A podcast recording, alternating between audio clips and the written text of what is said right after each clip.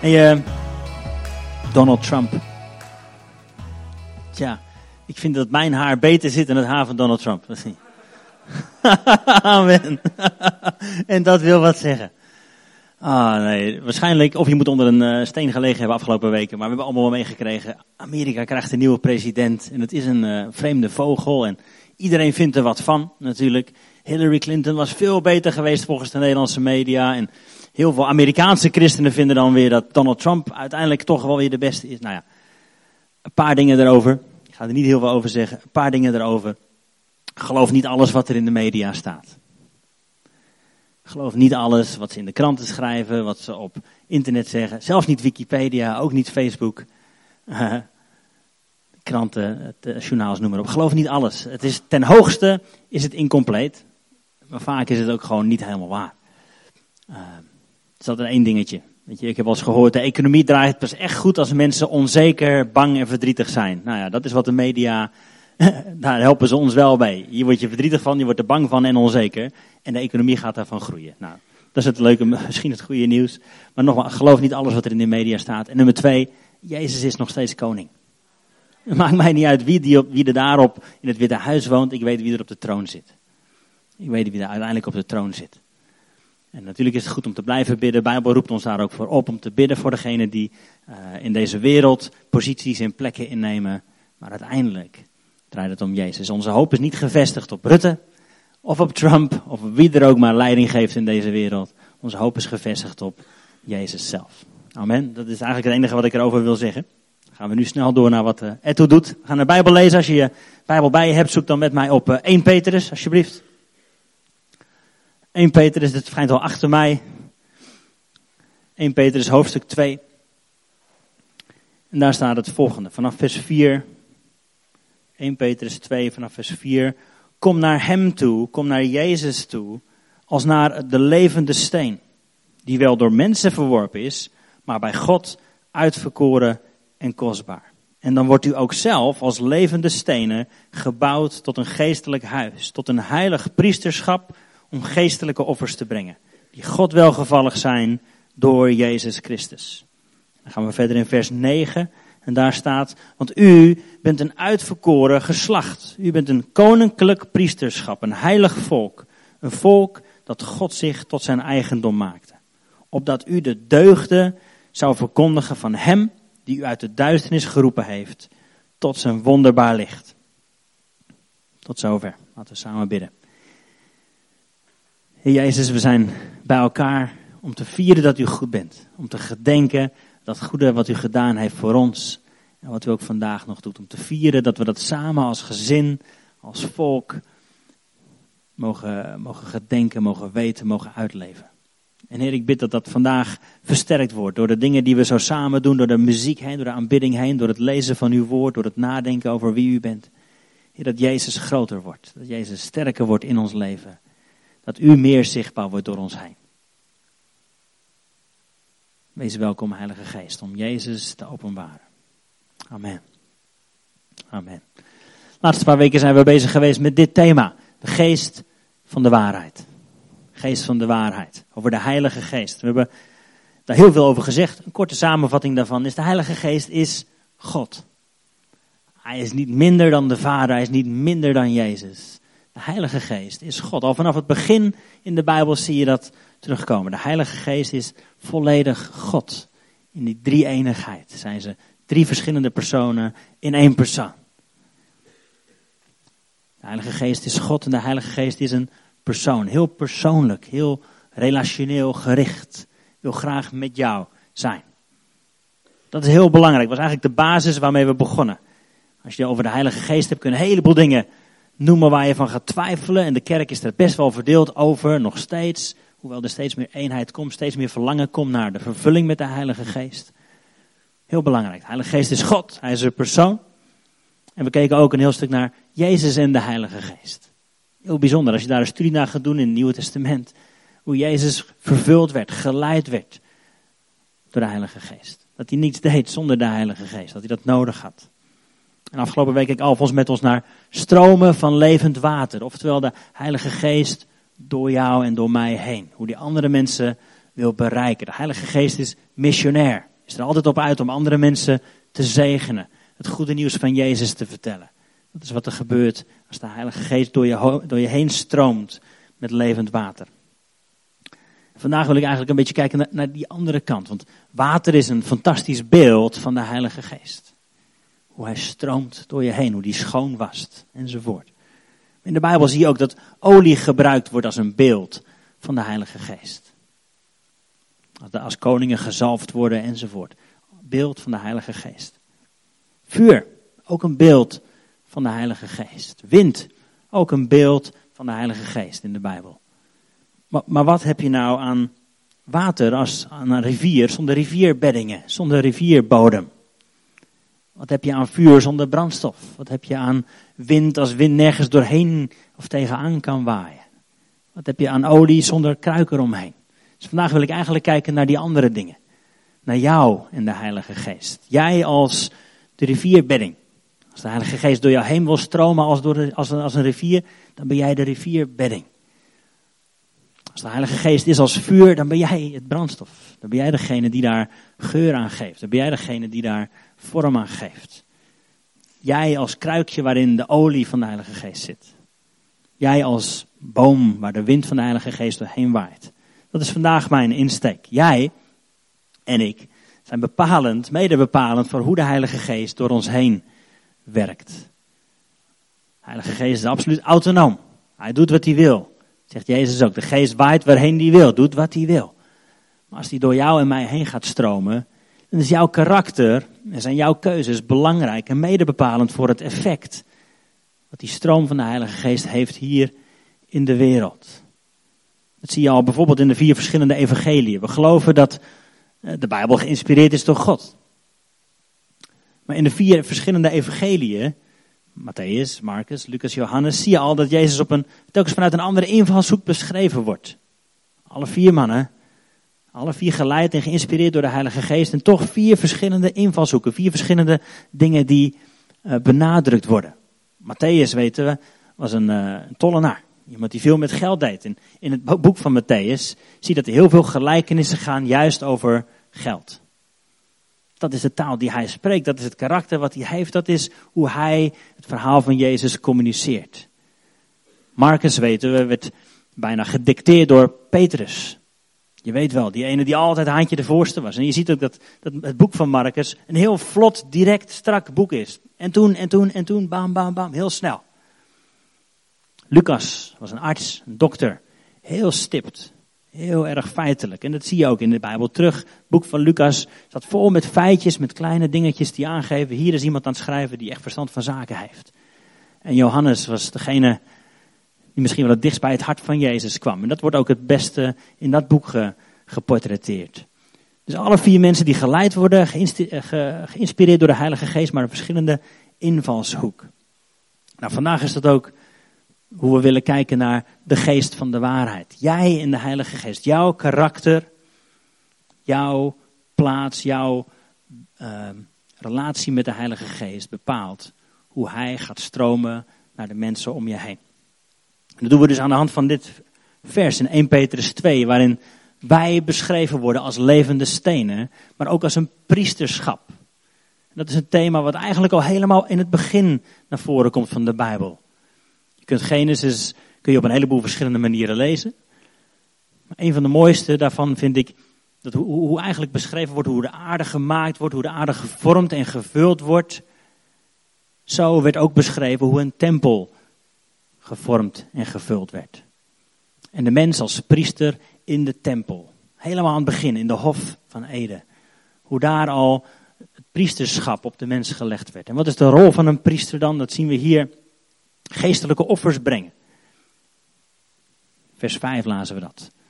Dus aanbidding brengen aan God. Dat is de rol van een priester. Dat is jouw en mijn rol. Aanbidding brengen, aanbidding verzamelen, indrinken en teruggeven aan God. Dus dat is één kant. We zingen dat vaak, you and I are made to worship. We zijn gemaakt om God te aanbidden. En dat is waar, maar er is nog een rol, namelijk opdat u de deugden zou verkondigen van hem die u uit de duisternis geroepen heeft. Dus de priester communiceert aanbidding naar boven. Aanbid God. Maar daarnaast ook weerspiegelt hij de goedheid van God naar de aarde. Dat is de rol die de priester heeft. Dat is de rol die jij en ik eigenlijk al vanaf het begin hadden in Genesis. Dat is de rol die de mens heeft op deze aarde. Dat is ook de rol die weer hersteld is door wat Jezus gedaan heeft. Jij en ik kunnen weer een koninklijk heilig priesterschap zijn. Jij en ik kunnen weer weerspiegelen wie God is naar de mensen om ons heen. De spiegel was eerst troebel door onze zonde, was kapot. Maar door wat Jezus gedaan heeft en door ons geloof en vertrouwen in Hem, is dat weer hersteld. Dus we kunnen God weer aanbidden, we kunnen weer bij Hem komen en we kunnen Hem weer weerspiegelen. Als een heilig koninklijk priesterschap. En hoe ben jij en hoe ben ik als spiegel in deze wereld? Dat is de vraag die we vanochtend willen stellen. Misschien ben jij wel de enige Jezus die mensen ooit tegenkomen. De enige die God echt kan weerspiegelen zoals Hij is in deze gebroken wereld. Peter zegt, jullie zijn een koninklijk heilig priesterschap. Jullie zijn geroepen om Hem te weerspiegelen. Petrus geeft deze brief naar mensen die echt wel in de verdrukking zaten. Echt wel in een nog vervelendere tijd wonen dan hier met Donald Trump of zo. Daar hadden ze Nero. Dat ging nog een stapje verder. Daar werden mensen vermoord om hun geloof. Juist tegen die mensen zegt hij ook, maar ja, maar toch ben je een priester. Toch mag je God aanbidden en mag je Hem weerspiegelen in deze wereld. Dus om terug te komen bij het beeld van de rivier. Hoe zit het met onze rivierbeddingen, met onze oevers? Hoe zit het met onze bodem? Is die schoon? Is die schoon? Of liggen er nog rotblokken in? Ligt er nog troep in, wat ook meegespoeld wordt naar buiten? Dat is ook een werk wat de Heilige Geest in ons wil doen. Maak onze harten rein, zongen we net. Dat is wat hij aan het doen is. Terwijl we aan het stromen zijn naar buiten, is hij ook een werk van binnen aan het doen. En is hij ons aan het reinigen, is hij ons aan het heiligen. We hebben het vaak over, hey, ben je al gered? En ik vind het zo mooi dat eigenlijk in de Bijbel heeft dat drie betekenissen. Ja, we zijn gered in het verleden. We zijn gered door wat Jezus gedaan heeft. Dat hij gestorven is aan het kruis, mogen we zeggen, ja, ik ben gered. Maar ook, naast dat, nu word ik gered. Ik word gereinigd. Ik word geheiligd. Ik word gered van de dingen die mij als slaaf willen houden. Van mijn angsten, van mijn trots, van mijn verslavingen. Word ik op dit moment gered. En ja, ooit in de heerlijkheid zal ik voor altijd gered zijn. Dus die drie sprong. Ja, ik ben gered door wat Jezus heeft gedaan. Ja, ik word op dit moment gered en ooit zal ik helemaal gered zijn. Maar nu zitten we dus hier in het midden in het proces van heiliging, van reiniging. En dat is wat de Heilige Geest op dit moment door ons en in ons aan het doen is. Hij, hij is ons aan het heiligen, aan het reinigen, zodat die rivier kan stromen naar de wereld om ons heen. Dat is waar we naar verlangen. En als je net als ik ben, normaal mens, meestal dan ben je gericht op naar buiten zo snel mogelijk die focus van jezelf af. Maar heel vaak word je in antwoord op gebed weer teruggewezen op jezelf. En gaat God beginnen met kleine dingen. Gaat God beginnen met de dingen die nog in je leven zijn. Is je rivier nog vervuild?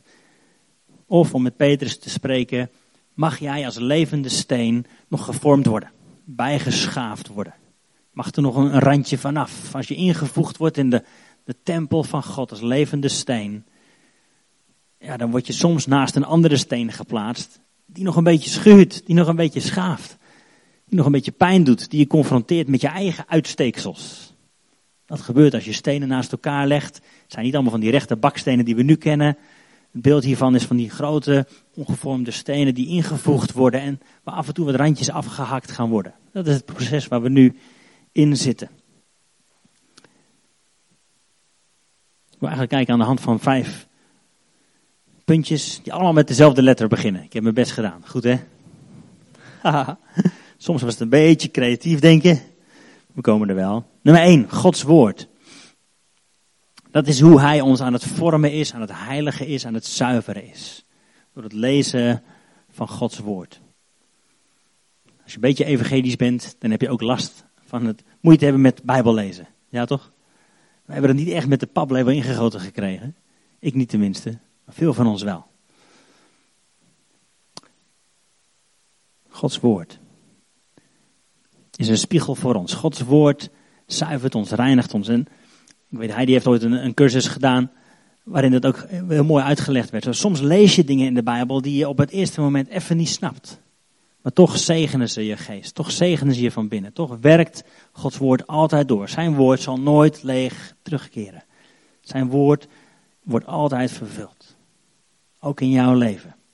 Dus als je zegt, ja, ik wil gevormd worden. Ja, Heer Jezus, ik wil een schone rivier zijn. Ja, Heer, ruim die rommel in mij op. Blaas dat blad weg. Maak mij schoon. Nummer 1, lees Gods woord. Ga het bestuderen. Als je net bent als ik, dan lees je de Bijbel soms ook als een Donald Duckie. Maar zet dan even een stap terug. Ga opnieuw zitten. Ik weet niet wat voor Bijbelplannen je allemaal hebt tegenwoordig. Het is genoeg te vinden op je telefoon. Apps. Elke dag een zin, een woord, een stukje. Ik weet niet wat voor jou werkt. Lees Gods woord. Zo makkelijk om eraan voorbij te gaan. Maar heel basic terugkomen dat is wat we nodig hebben als we zeggen, ja, we willen gereinigd worden, we willen meer op Jezus gaan lijken. Dan waren we ook vol met Gods woord. Zie je al, als Jezus in de woestijn is en als hij verzocht wordt door de duivel. Zijn antwoord, bijbelteksten. Gods woord. Gods woord. Ik weet, we hebben die tijden ook wel gekend dat er echt wel aanvallen kwamen van Satan op ons leven. En als we het dan even echt niet meer wisten, maar we wilden wel slapen, wat we dan deden, heel eenvoudig, we legden de Bijbel open naast ons bed en we konden slapen. Gods woord is een levend zwaard. Gods woord is waarheid, is sterker dan welke karaktertrek dan ook. Gods woord. Gods woord. Leer hem kennen. Leer het uit je hoofd. Leer zijn waarheden. Gods woord. Nummer twee, gebed. Gebed. Je hebt wel vaker gezegd, om de zondagavond bidden we een uur lang samen voor elkaar, met elkaar. Het zijn ook tijden waarin we leren om te luisteren naar Gods stem. Maar gebed.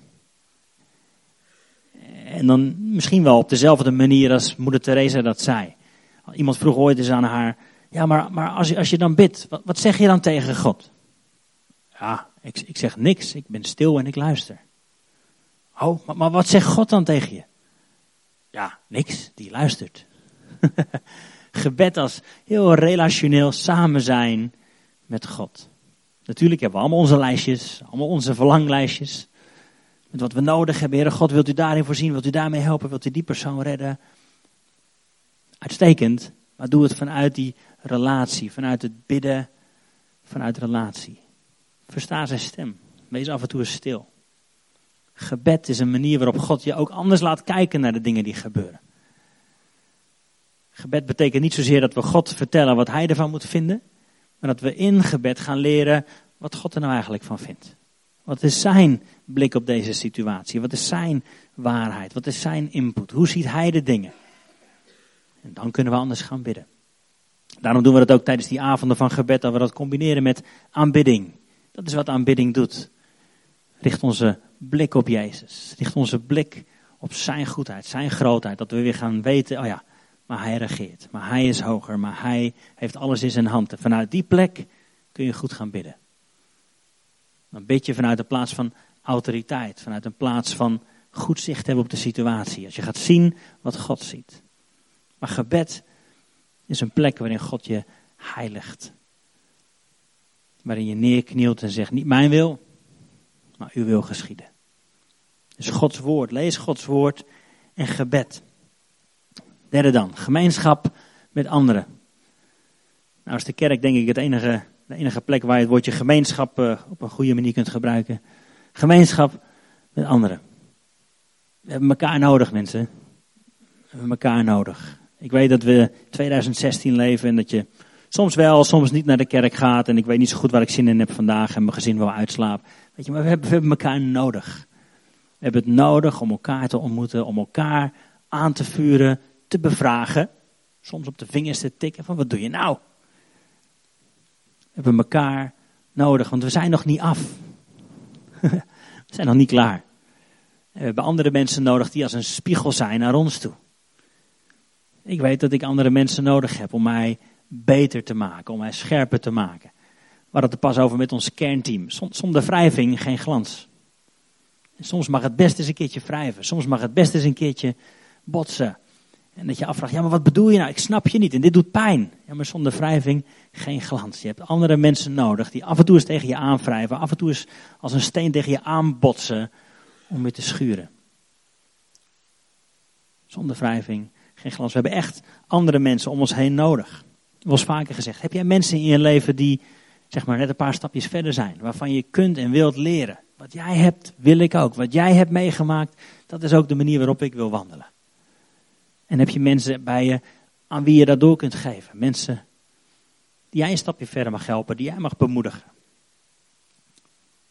We hebben allemaal nodig. We hebben ook vrienden nodig, broers en zussen nodig. Daarom vinden we de, kleine groepen, de connectgroepen ook steeds belangrijker. We hebben mensen nodig. Zondagochtend is tof, genieten ervan, God aanbidden, inspirerend woord, koffie, af en toe is prima. Maar je hebt ook die kleine groepen nodig, waarin je gekend wordt. Waarin iemand niet alleen je naam kent, maar ook een stuk van je verhaal. hey, vorige week vertelde je dit. Hoe, hoe, hoe gaat het nu met je? Heb je die keus gemaakt? Heb je dat al gezegd tegen die persoon? Heb je al God zien bewegen in je leven? Mijn vraag, mijn aanmoediging. Ga deel uitmaken van een kleine groep. Ga deel uitmaken van een kerk. Het zou tof zijn als het deze kerk is, maar als je denkt van nou, niet voor mij, prima. Maar kies iets. Ga je ergens bij aansluiten. Wees deel van een goed functionerend lichaam. Niet van een perfect lichaam, want die zijn hier nog niet op aarde, denk ik. Weet je, maar ga deel uitmaken van iets wat groter is dan jijzelf. Waarvan je kunt leren en waarbij jij je input kunt hebben. We hebben gemeenschap met anderen nodig. Dat is ook een manier waarop God ons heiligt. Waarop die rivier aan het schoonmaken is. Waar af en toe dingen in je leven genoemd worden waarvan je zegt, ja, dat moet ik opruimen. En als dat opgeruimd is, kan de geest weer beter door mij heen gaan stromen. Doet dat pijn? Ja, doet soms pijn. Zijn mensen irritant? Ja, soms zijn mensen irritant. zijn mensen mooi? Absoluut. Absoluut. Kunnen we het omarmen? Kun je gemeenschap met anderen omarmen? We hebben het nodig. Nummer vier dan. Een gebroken hart heb ik opgeschreven. Een van de manieren waarop God ons reinigt en heiligt en mooier en beter en meer heel maakt, is met het hebben van een gebroken hart. Je ziet in het leven van Jezus dat alles wat hij deed, deed hij vanuit compassie. Een van de mooiste en een van de gevaarlijkste gebeden die je kunt bidden is denk ik, Heer, breek mijn hart voor die dingen die uw hart breken. Heer, breek mijn hart voor die dingen die uw hart breken.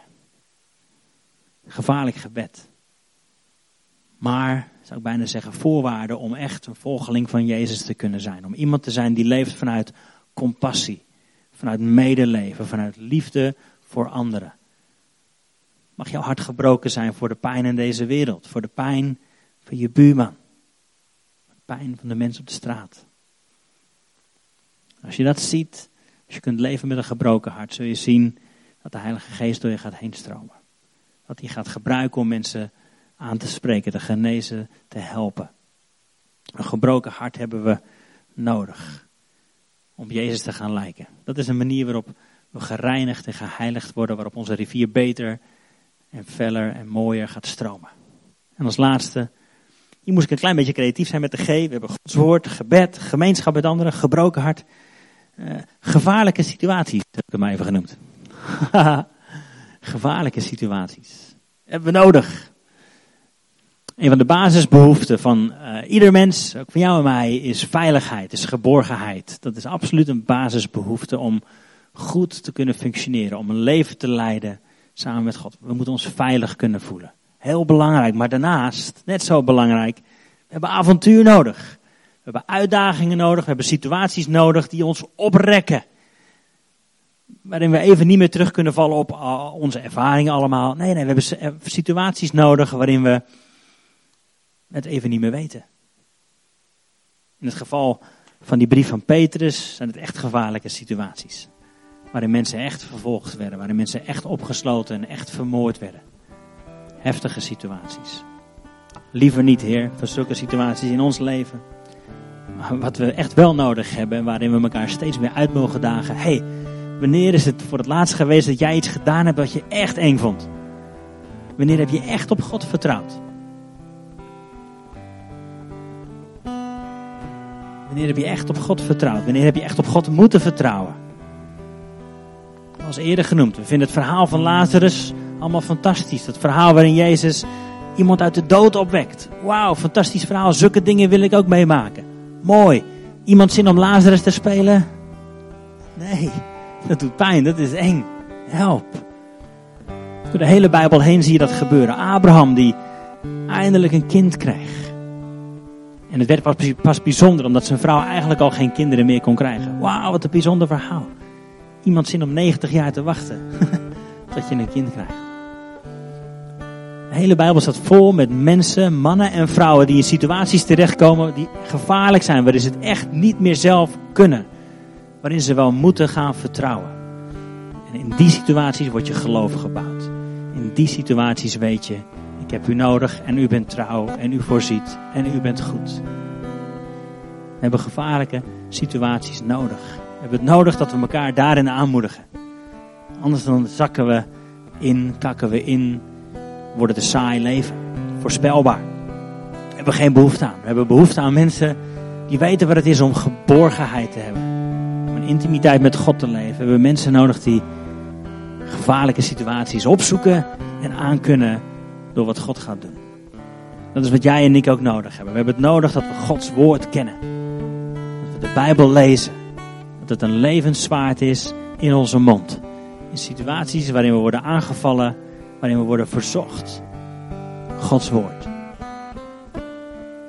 We hebben gebed nodig. We hebben voorbeden voor elkaar nodig. We hebben het nodig om in gebed, in stilte met God samen te zijn. We hebben het nodig dat we gemeenschap met anderen hebben. We hebben een gebroken hart nodig. We hebben ook gevaarlijke situaties nodig waarin we opgerekt worden. Als je naar de sportschool gaat en je wilt een fantastisch figuur, je wilt dikke spierballen, wat er dan gebeurt is dat je tegendruk krijgt. Tegendruk. Je wordt steeds zwaarder, steeds moeilijker. De enige manier waarop je spierballen kunt laten groeien is met meer druk. Meer druk. De enige manier waarop je je geestelijk leven kunt laten groeien is met meer druk. Met tegenstand. Ook wel eens gehad dat je voor het ene bidt en dat het andere gebeurt. Misschien is dat wel Gods antwoord. Ook wel eens gehad, best vaak last van. Dat we bidden, Heere God, we hebben uw voorziening nodig. We hebben wat meer geld nodig om, om te kunnen voorzien. En wat er dan gebeurt is dat er wat werk wegvalt. dat er minder geld binnenkomt. Een klein beetje meer druk. Een beetje meer druk. Herkenbaar? God antwoordt op bijzondere manieren. We hebben gevaarlijke situaties nodig. God wil ons sterker maken. God wil ons beter maken. God wil ons door wrijving meer glans gaan geven. God wil door die stenen uit de rivier te halen een mooiere stroom krijgen. Zoals jij in zo'n situatie zit, dat je denkt, ik weet even niet wat hier gebeurt. Ik bid voor het een en het andere gebed gebeurt. God is aan het werk. God is niet vergeten. God is in jou bezig. Zullen we gaan staan, dan gaan we hier samen voor bidden. Heilige Geest, stromen van levend water zei Jezus, zouden uit ons binnenste vloeien. En daar verlangen we naar. We hebben vorige week naar gekeken, daar verlangen we naar. Het stromen van levend water, inderdaad. Deze wereld ingaan, andere mensen gaan aanraken, genezen, bevrijden. En we hebben het nodig dat u ons als kanaal reinigt en heiligt. Heer, was ons schoon. Heer, wilt u ons helpen. We hebben zo wat punten opgenoemd die ons op weg kunnen helpen, maar wilt u ons leiden? Ik geloof dat u wilt spreken tot ieder persoon op dit moment. U weet wat wij nu nodig hebben.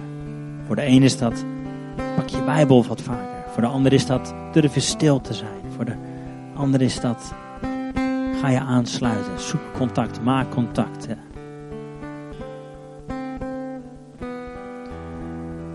Voor de ander is dat, durf je weer te bidden. Heer, breek mijn hart voor dat wat uw hart breekt. En ik geloof dat u met ieder van ons sowieso bezig bent om ons te plaatsen in situaties waarin we u steeds meer nodig hebben. Waarin we het niet zelf kunnen, maar we kunnen putten uit een onuitputtelijke bron.